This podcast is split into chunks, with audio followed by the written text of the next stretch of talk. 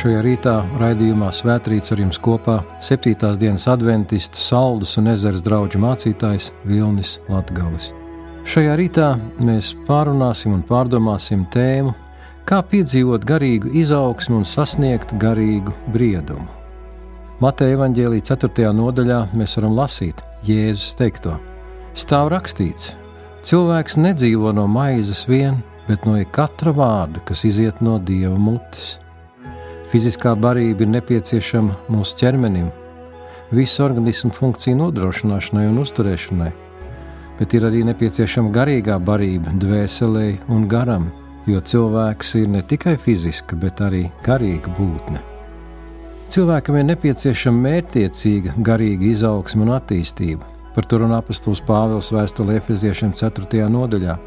Līdz kamēr mēs visi sasniegsim vienotību Dieva dēla ticībā un atziņā un īsto vīra briedumu, Kristus pilnības mēra. Pāvils šeit runā par kristīgu, jeb garīgu briedumu, kas ir nepieciešams katram cilvēkam. Un Bībele ticību salīdzina ar ceļu, pie tam ar šauro ceļu. Ir šis platais ceļš, pa kuru iet cilvēki, kuriem neinteresē šīs garīgās lietas, un ir šaurais ceļš, kurš ir grūtāks, kurš ir sarežģītāks un tomēr svētīgāks. Vēstulē kolosiešiem otrajā nodaļā Pāvils raksta: Tad no Kristu Jēzu pieņēmuši dzīvojiet viņā, jeb turpiniet sekot viņam, kā saka jaunāki tulkojumi. Turpiniet sekot viņam, sakņodamies viņā, augdami viņā, stipri kļūdami ticībā, kurā esat mācīti, un pāri plūzdami savā pateicībā. Šī kristīgā dzīve sevi ietver arī šo iesakņošanos, jeb stabilitāti, un arī šo izaugsmi, augdami viņā, un tas viss nostiprina mūsu ticību un paļāvību, mūsu uzticēšanos Dieva vārdam un viņa spēkam, un izraisa arī pateicību. Par to runā šie pāris panti kolosiešu vēstulē. Svarīgs faktors garīgajā izaugsmē ir arī griba, vēlme, jeb tieksme, mēs varētu teikt arī garīga apetīte. Pravieša Jeremijas grāmatas 15. nodaļā ir interesants teksts 16. pantā. Cik bieži man atskanēja tavs vārds, tik es to uzņēmu kā barību, un tas man bija par svētlaimību un sirds līksmību, jo es esmu nosaukts pēc tava vārda, Kungs, Dievs, Cebaut. Jeremija raksta, cik bieži man atskanēja tavs vārds, tik arī es to uzņēmu kā barību, kā kaut ko brīnišķīgu, kaut ko baudāmu, kas manī izraisīja šo svētlaimību, jeb labsajūtu un laimes sajūtu, un prieku, jeb sirds līksmību. Tādā veidā Jeremija tika iepriecināts. Viņam bija daudz pārbaudījumu un problēmu, un šis Dieva vārds viņu uzmundrināja, iedvesmoja un tik ļoti iepriecināja, ka to bija grūti pat apslēpt. Lūkas evanģēlī 24. nodaļa. Jēzus Kristus pēc augšām celšanās. Viņš satika mācekļus, kur devās uz Emausu, un uzrunādams tos arī viņiem skaidroja Dieva vārdu, svētos rakstus. Un tad, kad Jēzus bija no viņa vidus pazudis, tie savā starpā runāja. 32. pāns, Lūkas 24. Vai mūsu sirdis nedega, kad viņš ar mums runāja ceļā, mums rakstus izskaidrojams, viņi savā starpā runāja. Sirds dedzība, sirds aizdegās, svētie raksti iededzina cilvēku interesi, jo Dieva vārds atklāja tās lietas, kuras citas grāmatas un avoti mums nespēja atklāt. Arī Bībelē ir teikts, jo ko par Dievu var zināt, to viņš pats ir atklājis, to viņš pats ir izskaidrojis. Un tas ir atrodams tikai un vienīgi Bībelē. Es vēlos ar jums kopā lasīt kādu piemēru no Dieva vārda Jāņa Evanģelī 10. nodaļas, un tur ir šāds teksts no 38. panta. Atgadījās, ka viņi tālākajot nonāca kādā ciemā, Tur kāda sieva, Marta vārdā, uzņēma viņu savā namā, un viņai bija māsa vārdā Marija. Tā apsēdusies pie tā kunga kājām, klausījās viņa vārdos. Bet Marta, aizņemta ar daudzām rūpēm par to, kā viņu apkalpot, pienāca un sacīja: Kungs, vai tu neko nesaki par to, ka mana māsa man atstājusi, lai es viena kalpotu? Saki jau viņai, lai viņa man nāk palīgā. Bet tas kungs viņai atbildēja sacīdams: Marta, Marta, tu rūpējies un zūdies par daudzām lietām, bet tikai vienas lietas vajag. Marija sev izraudzījusies labo daļu, tā viņai netaps atņemta.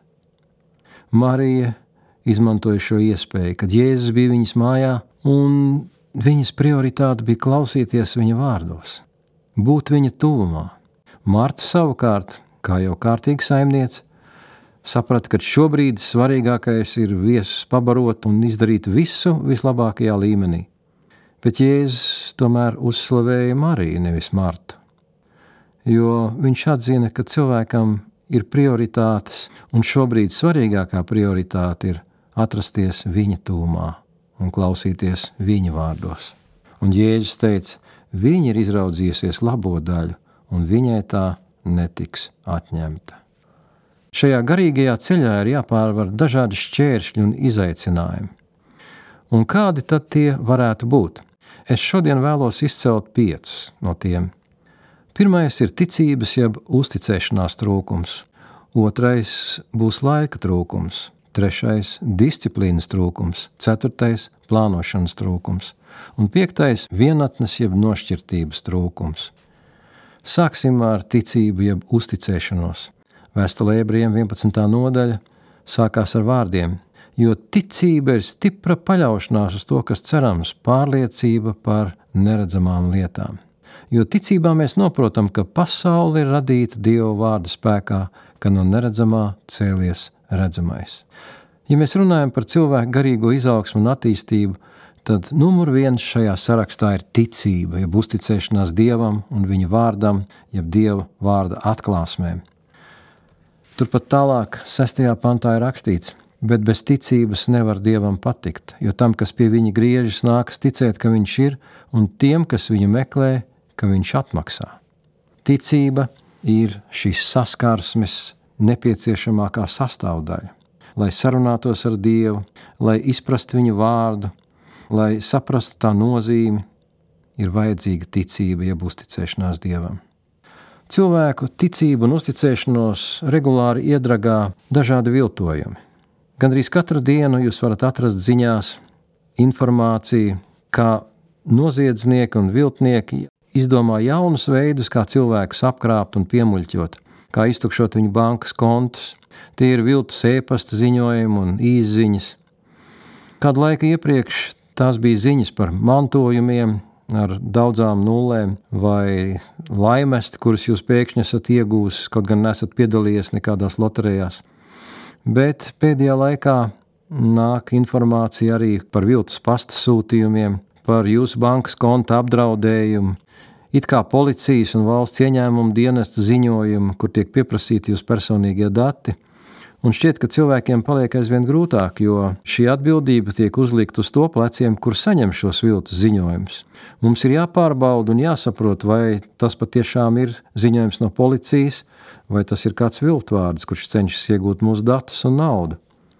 Un, protams, arī šī informācija, ka uh, arī Latvijā, tajā skaitā un citās valstīs, ir ļoti daudz viltoti apģērbi, apavi, telefoni un tā tālāk un tā joprojām rodās pat sajūta, ka viltojumi ir vairāk nekā patiesības. Un šādos apstākļos dzīvojot, protams, ka cilvēku ticība un uzticēšanās sarūk. Bet man ir draugi arī labās ziņas. 109. psalmā, 160. pantā ir rakstīts: Visi tavi vārdi ir patiesība, un tavas taisnās tiesas, jeb spriedumi, paliek mūžīgi. Dievs ir taisnīgs. Viņa vārdi ir patiesība. 2. samuēlā 7. nodaļa, 28. pants. Tu esi Dievs, un tavi vārdi ir patiesība. Apstults Pāvils, Titam, 1. nodaļa, 2. pāns. Dievs, kas nemelo, ir sacījis. Jā, tās ir pašas labākās ziņas šajā viltus ziņu pasaulē. Otrā lieta, ko mēs pieminējam, ir laiks tad nu raugieties gudri uz to, kā dzīvojat, nevis kā negudri, bet kā gudri. Izmantojiet laiku, jo šīs dienas ir ļaunas. Tāpēc nepadodieties neprātam, bet centieties saprast, kāds ir jūsu kunga prāts, jeb, kā saka jaunais tūkojums, ko Dievs vēlas, lai jūs darītu. Raugieties nopietni uz to, kā dzīvojat. Jā, šodien cilvēku laiku aizņem internets, daudzas tehnoloģijas un dažādas, un patiešām maz laika paliek tam, kam vajadzētu veltīt vislielāko uzmanību. Un diennaktī ir tikai 24 stundas, un parasti tās ir 8, kas tiek veltītas miegam, 8 darbam, un tad vēl paliek ēšana, un laiks ceļā, un iepirkšanās, un daudzas citas lietas. Un, ja mēs tā paskatāmies, tad sanāk, ka garīgajām dimensijām laika praktiski nav. Ko lai mēs darām šādā situācijā? Nu, viens no ieteikumiem ir būt disciplinētiem un atbildīgiem. 27. psalms, 2. pāns ir vēl tikai jūs agri ceļaties un vēlu paliekat nomodā un ēdat savu maizi ar rūpēm, saviem mīļajiem viņš to bagātīgi dod miegā.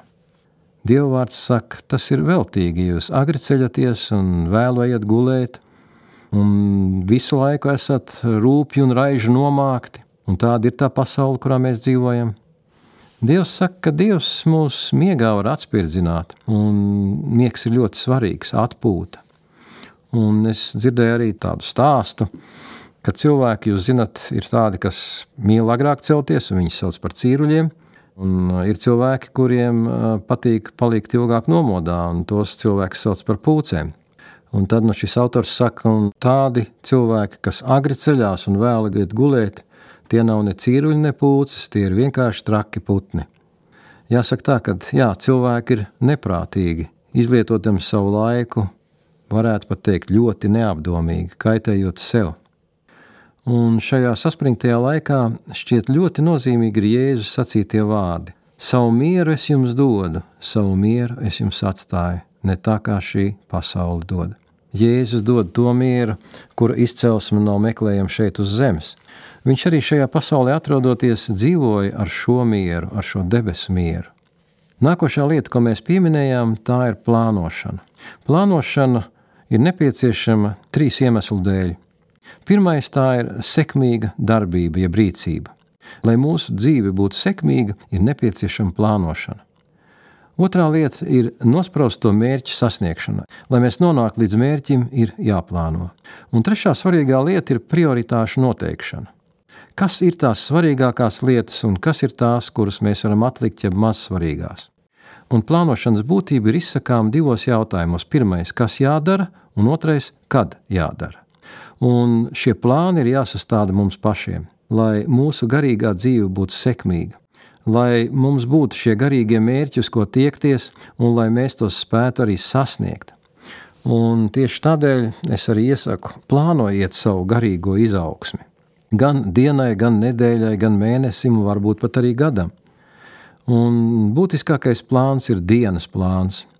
Tas ir iedalīts laiks, ko mēs ieplānojam šai garīgai sfērai, Vispirms jau tā ir ieklausīšanās Dieva sacītajā, jeb Dieva vārdā, arī lasot to vai klausoties. Garīgās izglītības sastāvdaļas, tāpat ir arī lasīšana, garīgas literatūras lasīšanas, audio ieraksti, tas ir arī video. Un vēl kāda svarīga un būtiska lieta, tas ir laiks pārdomām. Jāiedala arī laiks pārlasīt vēlreiz svarīgākās teksta daļas. Es arī veltu laiku, lai pierakstītu, ja nokopētu šo tekstu un ievietotu to savā elektroniskajā kalendārā vai piezīmju grāmatiņā, kur to viegli var atrast un atkal šo tekstu pārlasīt, ka tas ir vajadzīgs. Citi cilvēki arī veic atzīmes.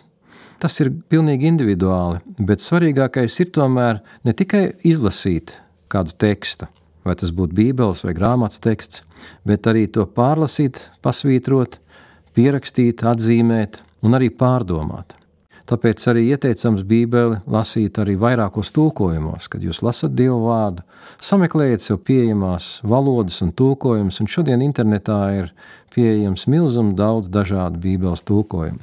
Un pēdējais šajā sadaļā ir tā ir lūkšana, jeb saruna ar Dievu. Arī tai laiks ir jāieplāno, un tā ir būtiskākā saruna dienas daļā.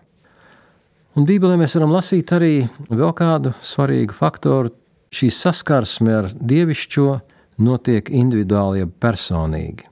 Par Jēzu Kristu Marka evanģēlī pirmajā nodaļā ir rakstīts: No rīta gaļos cēlies viņš izgāja un nogāja kādā vientuļā vietā un tur Dievu pielūdza.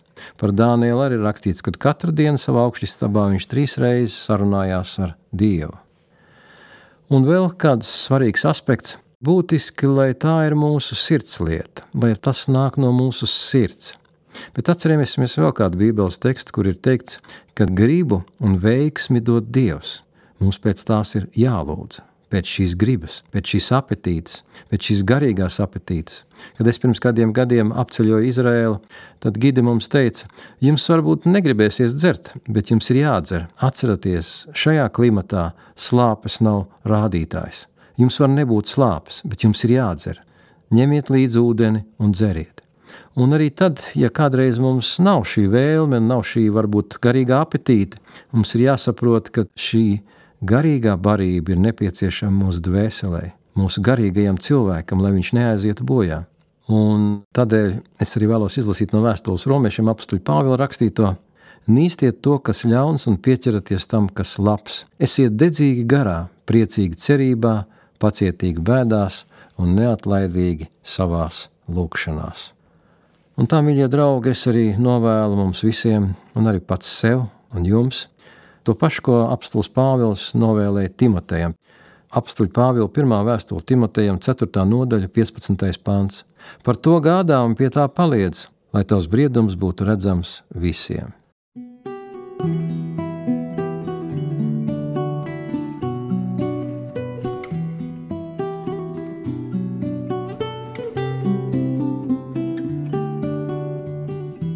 Lūksim Dievu. Debes Tēvs, es pateicos, ka mēs esam radīti Tavā līdzībā. Mums to atklāja Tavs vārds. Mēs esam garīgas būtnes, spējīgas sarunāties, domāt, pieņemt lēmumus un arī uztvert garīgas lietas. Bet tu redzi, kungs, arī mūsu problēmas. Tu redzi laika trūkumu, reizēm spēka trūkumu, nevarēšanu vai arī negribēšanu. Un tādēļ mēs gribam lūgt, lai tu dod mums šīs garīgās slāpes, lai tu dod mums šo vēlmi un arī izdošanos, lai tu palīdzi sakārtot mūsu laiku un prioritātes, lai mēs atrastu šīm svarīgajām lietām vislabāko savas dienas laiku. Tāpēc mēs arī lūdzam, Kungs, lai Tava svētība un žēlastība ir ar mums visiem, un palīdz mums pieaugt, pieaugt garīgi, pieaugt atziņā, pieaugt kā Taviem bērniem šajā pasaulē, kas citiem var būt par gaismu un svētību lai Tava žēlastība ir ar mums visiem. To lūdzam un pateicamies Jēzus Kristus vārdā. Āmen!